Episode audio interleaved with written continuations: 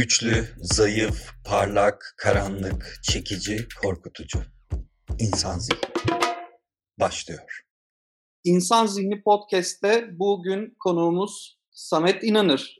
Sen eski deyik müsteşarısın, e, yapımcısın, O Ne Diyor'un eski ortağısın, yönetmenlik yaptın. Seni kısaca tanıyalım mı abi? Sen kendini nasıl tanımlıyorsun? Ben akademisyen olmayı planlarken üniversite hayatım boyunca çalışmaya başlar başlamaz ATV'de Ali Kırca ile siyaset meydanında çalışıyordum o dönem. Bir de televizyon formatı yapıyorduk. Hiç elimde olmayan faktörlerle 4-5 yılda bir başka bir sektöre, başka bir işe savrulmuş. Senin dediğin gibi strateji geliştirme benim mesleğim. DEİK'te de bu işten sorumluydum. Üniversite hayatındayken ve üniversite hayatının hemen ertesinde hem üniversitede asistanlığım vardı hem de e, Ali Kırca ile Siyaset Meydanı Kim Haklı gibi televizyon programlarını yapıyordum. Ondan sonra e, medyaya çok uzun yıllar sonra tekrar işte o ne diyor aracılığıyla geri döndük o dönem. Dolayısıyla benim asıl mesleğim strateji geliştirme olsa da çok medyanın ve içerik meselelerinin o zaman adına içerik, content gibi kelimeler söylenmiyordu. İşler böyle bir genel çerçevede yürütülmüyordu. Çalışan biriyim. Doğrudan soracağım. Bu peşinde çok koşulan yaratıcılık denen şey senin için ne ifade ediyor?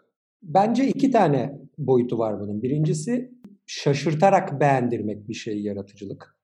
İkincisi biraz daha analitik olan zor bir meseleyi birbirinden farklı ve birbiriyle ilişkili belki e, kriterlere göre çözecek formülü üretmek. İşin reklam tarafını konuşuyorsak bu şaşırtarak bir şeyi beğendirmek insanlara bence.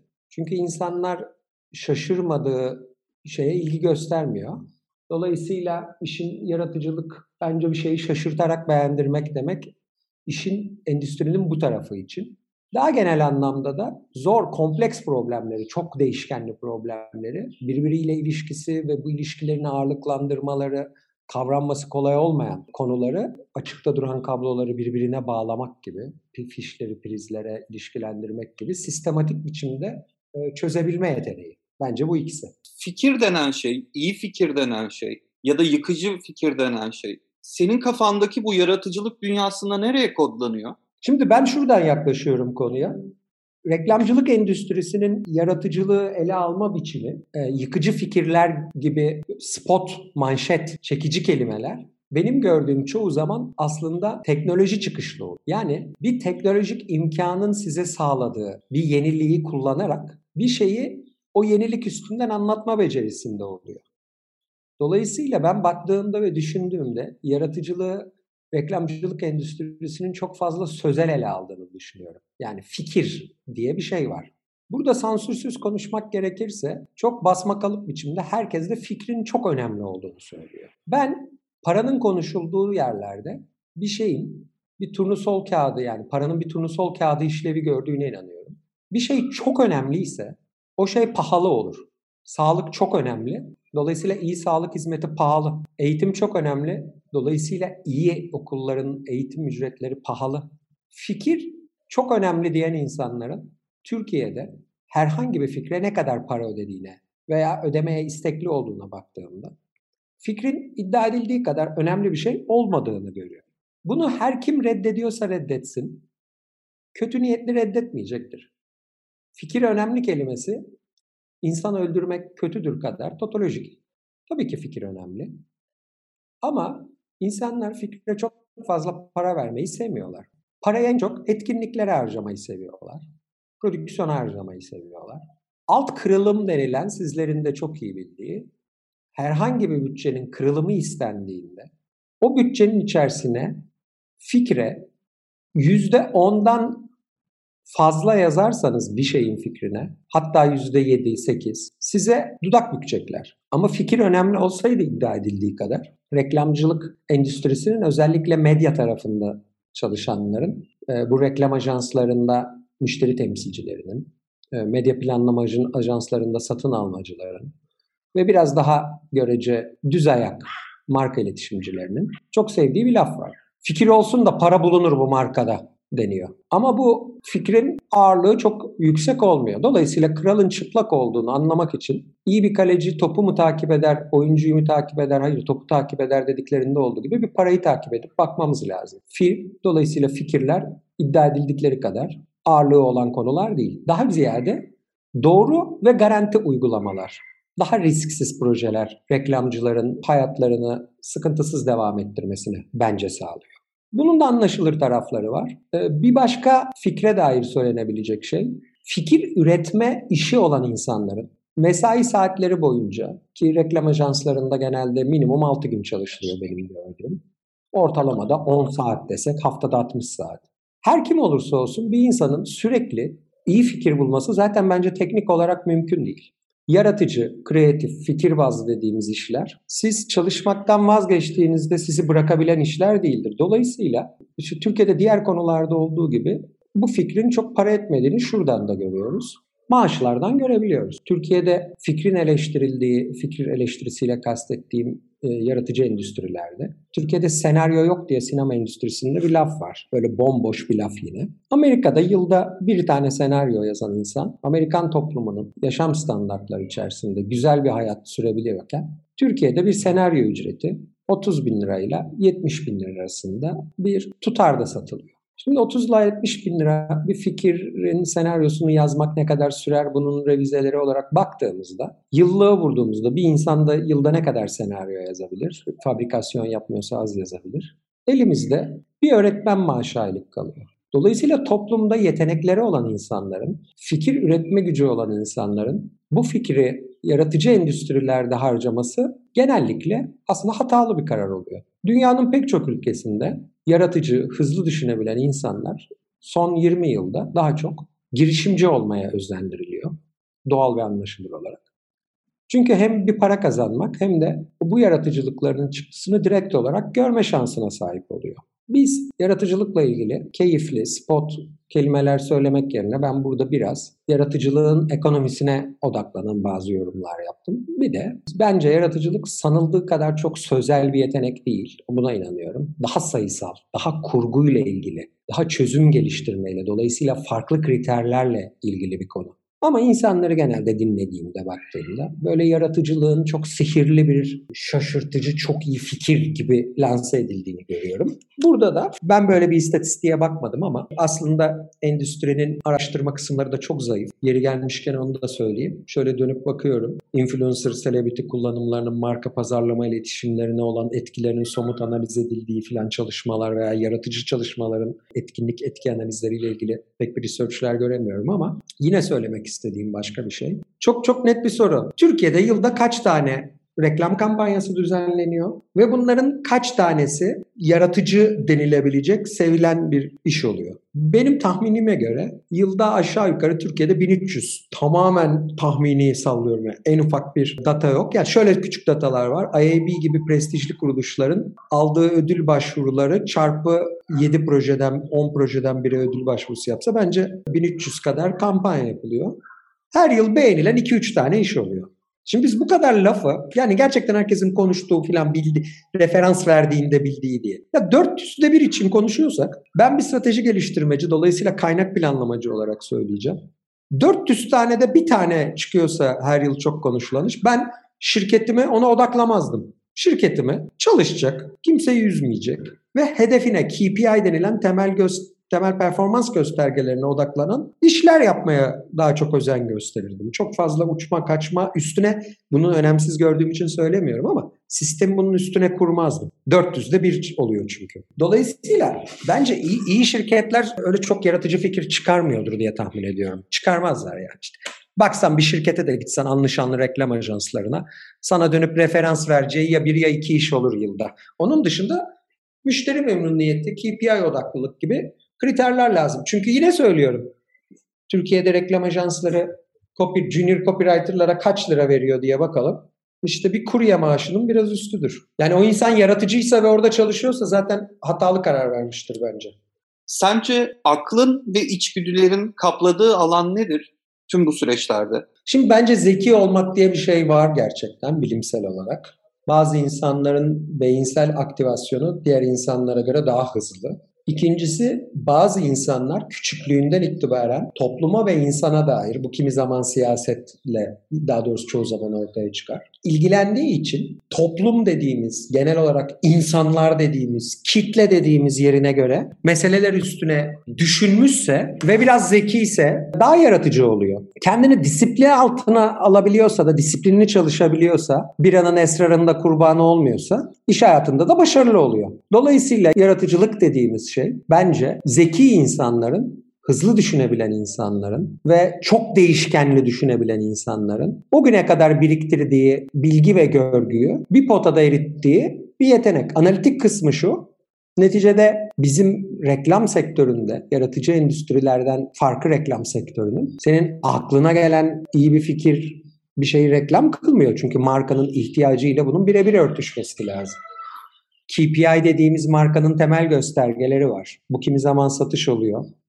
Kimi zaman çok silik bir marka müdürünün üstlerine, direktörlerine kendisini gösterme ve öğlen yemeğinde yapabilme isteği oluyor. Kimi zaman onun belirlediği benim reklam sektörüyle çalışmaya başlayınca bayağı şaşırdım. Bu konumlanma denilen seçilmiş işlerle. Örtüşmesi de gerekiyor. Dolayısıyla baktığımızda benim gördüğüm Türkiye'de belirli bir yaşın üstünde insanların bir işte ne kadar olduğu bence çok önemlidir. Türkiye'de bir elin parmakları sayısında 40 yaşının üstünde hala yaratıcı meseleler üstüne konuşabilecek derinlikte kafası olan insan var. Bu insanların ortak özelliği çok disiplinli, sakin olmaları, akıllı oldukları için. Bu da bu kadar cevap verdim buna da.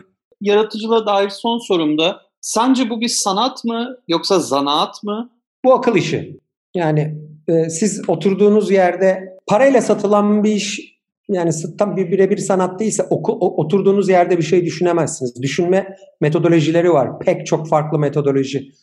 Daha derli toplu, metodik düşünerek siz yaratıcı olursunuz. Yoksa aklınıza bir fikir gelip iyi bir şey gelebilir, denk gelebilir. Bu 5 yılda bir kere olur. 5 yılda bir kere bir şey yaptığınız için ne para kazanabilirsiniz ne takdir görürsünüz. Dolayısıyla dünyada bu işin nasıl yapıldığına bakarsanız Orhan Pamuk nasıl roman yazıyor? Orhan Pamuk uzak uzak ara Türkiye'nin en iyi romancısı. İsteyen istediğini söylesin. Nobel Edebiyat Ödülü almış. Her sabah kalkıyor 9'da gidiyor yazıhanesine. Kağıdını, defterini, kalemini açıyor ve çalışmaya başlıyor iyi fikirler kağıtla kalemle oturup çalışmadan, konsantre olmadan iyi fikir falan çıkmaz. Yani sürekli telefonuna bakan bir adamdan bir şey olmaz kadından veya. Yani yaratıcılık böyle ilham milham böyle bakarsak böyle olmaz. Ben hiç öyle ciddi bir toplantıda öyle birinde görmedim öyle tipler. Tabii öyle karikatür tipler çıkıyor arada. Böyle artist büyük laflar, garip garip hareketler yaparak insanları etkilemeye çalışan filan. Ee, nadir yani. Peki çok teşekkür ederim abi. Yaratıcılıkla ilgili kısım buydu. İkinci bölümde hayatla ilgili Dört tane soru soracağım sana. İlki şu, sence tembellik suç mudur? E, tembellik suçtur. İnsan tembel olamaz. İşsizken de tembel olamaz. Yani sen çalışmayabilirsin, evde oturup dizi izlemek isteyebilirsin sadece. Arada kendine yemek yapmak istersin. Bunu da düzenli hakkını vere vere yaparsan sorun yok. Tembellik Sovyetler Birliği'nde tembellikle ilgili hatırlı şimdi tabii hatırlayamıyorum ama çalışmanın kutsallığı, kutsal olması gibi meseleler de konuşulurken sonu üretime dönmeyen şeyler bana ben suç olduğuna inanıyorum. Hiçbir şey yapmamak iş hayatı ile ilgili değil.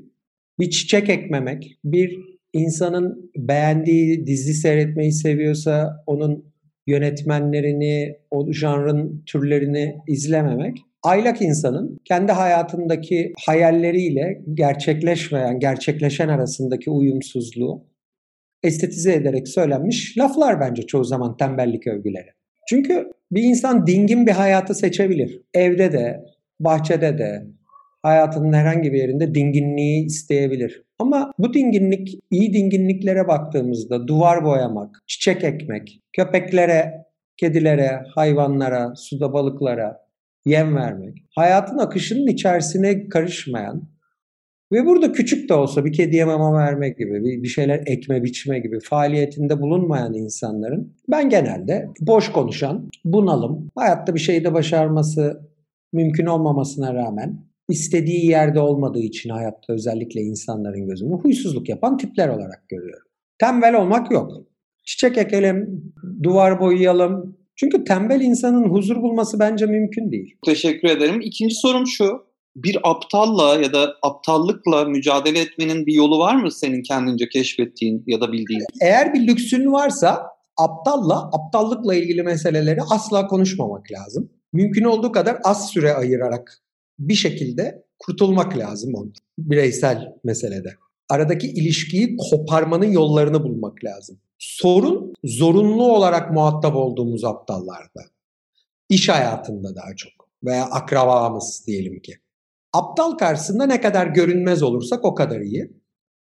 Siyaset konuşan insanlar gibi bir partiye birinin oy vermesinin çok mantıksız olduğunu ve onun o oy verme işini değiştirmeye çalışması meselesindeki gibi. Aptallık bir şey söyleyeceğim zihni sana. Bak insanların aptallık dediği şeyin çoğu aptallık değil. İnsanlar çıkarlarını peşinde koşuyorlar. Bunun nedenlerini konuşurken sana gerçek sebepleri de söylemiyorlar. Biz de onlara aptal diyoruz. Bak bu siyasette de böyle, iş hayatında da böyle. Aptal hala bunu yapıyor. Çünkü şöyle diyor. Bir insanın bunu yapma sebebi, bir şeyi yapma sebebi, bir tercihte bulunma sebebi her zaman söylediği sebep olmayabilir. Şimdi bir insan bir partiye oy veriyor. Hala buna mı oy veriyor? Niye oy veriyor diyorsun? İşte şöyle diyor çünkü niye oy veriyormuş? Yine de en iyisi bunlar diyor. Halbuki çok somut başka sebepleri var insanların belirli tavırları ve tutumları geliştirmelerinde. Ama söylerlerken kimi zaman yargılanmamak için, kimi zaman yarı bilinçli, yarı bilinçli dışı olduğu için bunu söylemiyorlar. Yani bunu şundan söylüyorum. Bizim her aptal dediğimiz aptal olduğu için bir şey söylemiyor olabilir. Çıkarı öyle gerektiriyordur. Çıkarı öyle gerektirdiği için savunamayacak bir argümandır o. Aptal der. Şimdi kognitif dissonance diye, bilişsel uyumsuzluk diye bir şey var. Bir insanın düşüncesiyle davranışı uyumlu olmalı yoksa insan zihni problem yaşar. Yani ya bir insan inandığı şeyi yapacak ya yaptığı şeye inanacak. Kognitif dissonance'ın ilginç özelliği insan her zaman düşündüğünü yapacak dememesi sadece yapmalıdır. Yaptığını da düşünebilir diyor. Mesela çok ünlü bir örneği var. Organizational Behavior'da sosyolojinin bir alt dalı. Bir işçi grubu greve gittiğinde onlardan biri bu greve katılmıyorsa işini kaybetmekten korktuğu için dönüp ben de grev kırıcı arkadaşlarını satan para kazanmam engellenecek diye bu dayanışmadan kaçan biriyim demiyor. Şöyle diyor. Bunlar da komünist momünist bunlar da yediği ekmeğe tükürüyor. Yediği kaba tükürüyor diyor. Yani ne yapıyor? Düşündüğü şeyi mi yapıyor burada? Yaptığı şeyi mi düşünüyor? Bak bu aptallık meselesinde böyle bir konu var. Aptal dediğimiz çoğu şey bencil insandır aslında. Aptal insan değildir. Çıkarcı insandır. Sorum şu. Utanmaz olmak bir süper güç mü yoksa daha aşağı bir yerde mi? Aman canım utanmaz denecek bir yerde. Şimdi Zinicim çoğu zaman utanma ile ilgili konular orta sınıf meseleleridir. Orta sınıf ahlakı dediğimiz ahlak bizim norm kabul ettiğimiz ahlak. Toplumun en alt kesimlerinin çıkartır, köprü altına dalgayı çıkartır, işer. Umurunda değildir yani. Toplumun üst kesiminde de çok ahlak çok önemli bir konu değildir. Yani aynı insan bir mahallesinden bir genç kızı biriyle konuşurken görürse ona yakışıksız ifadelerde bulunurken Seda Sayan bu insanlar tarafından Türkiye'nin en güvenilir insanı filan düşünülüyor. Seda'nın bilmiyorum kaç tane evlilik yapmış. Yani iki kriter niye farklı birbirinden? Çünkü zenginseniz size her şeyi yakıştırırlar. Toplumun hiçbir zaman en altıyla en üstü genel ahlaki normları ne sallar ne de onlardan beklenir. Ahlak genelde orta sınıf e, ahlakı dediğimiz bir şey vardır. Dikey mobilizasyon arayan veya alt orta sınıfların şükretmesine vesile olan konular bunlar. Utanmak için bir insanın bir dünya görüşü olmalı. Bir dünya görüşü olmayan kimse kolay kolay utanmaz. Kendisini üstün gören insanlar bu bir süper güç falan değil. Genelde nobran dediğimiz genel olarak kendini diğer insanlardan üstün gören insanlar olur. Utanmazlığın bir süper güç olduğunu düşünmüyorum. Bence ahlaki normlar var hayatta gerçekten. Bir insanın kalibresini de bu normlar belirler. Ben bir insanın bir dünya görüşü olduğunu hissedersem ona güvenebiliyorum. Çünkü bir insan için neyin normal, neyin anormal olduğunu anlıyorum. Çünkü onun o dünya görüşünün gerektiği bir davranış seti var. Bir tavır ve tutum seti var. Bunu takip eder diye düşünüyorum. Bu dünya görüşü karakterle çok iç içe de geçebiliyor. Ama prensipler bir insanı güvenilir kılar. Bu insanın böyle bir prensibi vardır. Bu yapmaz dersin. Bu dediğim gibi karakterden de kaynaklanıyor olabilirken bir insan utanmazlık dediğimiz genel ahlaka mugayir denilen saçma sapan kriterlerden değil. Bir insan düzgün bir insansa mahcup olmaktan korkar. Eşine, dostuna, çevresine ve kendisine. Dolayısıyla utanmaz insanlar, pişkin insanlar bizim hayatımızda sayılarını azaltmamız gereken, zengin de olsa, güçlü de olsa, o gücün şehvetine kendimizi kaptırmamamız gereken, bizi yozlaştıracak ve pusulasız bırakacak insanlardır. Ve bir insan strateji vazgeçmeyi bilmektir diye bir söz var. Cyrano da Bergerac'taki ünlü tiratta olduğu gibi istemem eksik olsun demeyi bilebilecek, bunu yapabilecek anda olduğunda öz saygısını kazanır zaten. Dolayısıyla bizim aydınlanma ideallerinin insanların arasındaki eşitliğin, cinsiyetlerin, ırkların, dillerin buna inanmayan ve bunu utanmazca ifade edebilen ve gündelik hayatta verdiği kararlara bunları yansıtan insanlardan elimizi ayağımızı çekmemiz bizim için ahlaki bir sorumluluktur. Harika cevaplar aldım şimdiye kadar. Çok teşekkür ederim. Ve son sorum şu. Şimdi bugün insanlık dönüp bakınca 40 yıl önceye dünyanın her yerinde bazı şeyler için ya o dönem nasıl yapılmış diyor. Ben de sana şunu sormak istiyorum. Sence 40 yıl sonra insanlar bugüne dönüp baktığında kardeşim bunu da nasıl yapmışlar ya da bunu da nasıl alışkanlık edinmişler diyecekleri şeyler var mı? Ve varsa... Çok fazla, Çok varsa, fazla var. Sigara içiyor insanlar. Bunu anlayamayacaklar. Bir tane bir şey var. Bitkiyi sarıyorlar. Bir tane kağıda ateşle yakıyorlar. Onun dumanını ciğerlerine çekiyorlar. Bunu bir türlü anlayamayacaklar mesela. Bir insan yanan bir şeyi dumanını ciğerlerine nasıl çeker? Parası olan herkesin her şeyi istediği kadar alıp istediği kadar kullanabilme hakkını da tam anlayamayacaklar bence. Ben gelecek 100 yıl içerisinde mülkiyet dediğimiz kaynak lisansının çok değişeceğini düşünüyorum. Dünya nüfusundaki hızlı artış, iklim felaketi e, ve bunun yaratacağı kaynak bunalımı nedeniyle bence gelecekte klasik anlamda mal sahipliği olmayacak. Daha kiralayacağız her şeyi. Abi çok teşekkür ederim. Bu bütün, Rica ediyorum Zihni'cim. Bütün bu mental eforun için, vakit ayırdığın için inanılmaz. Estağfurullah boş konuştuk. Konuşmayı severim biliyorsun. Konuştuk işte.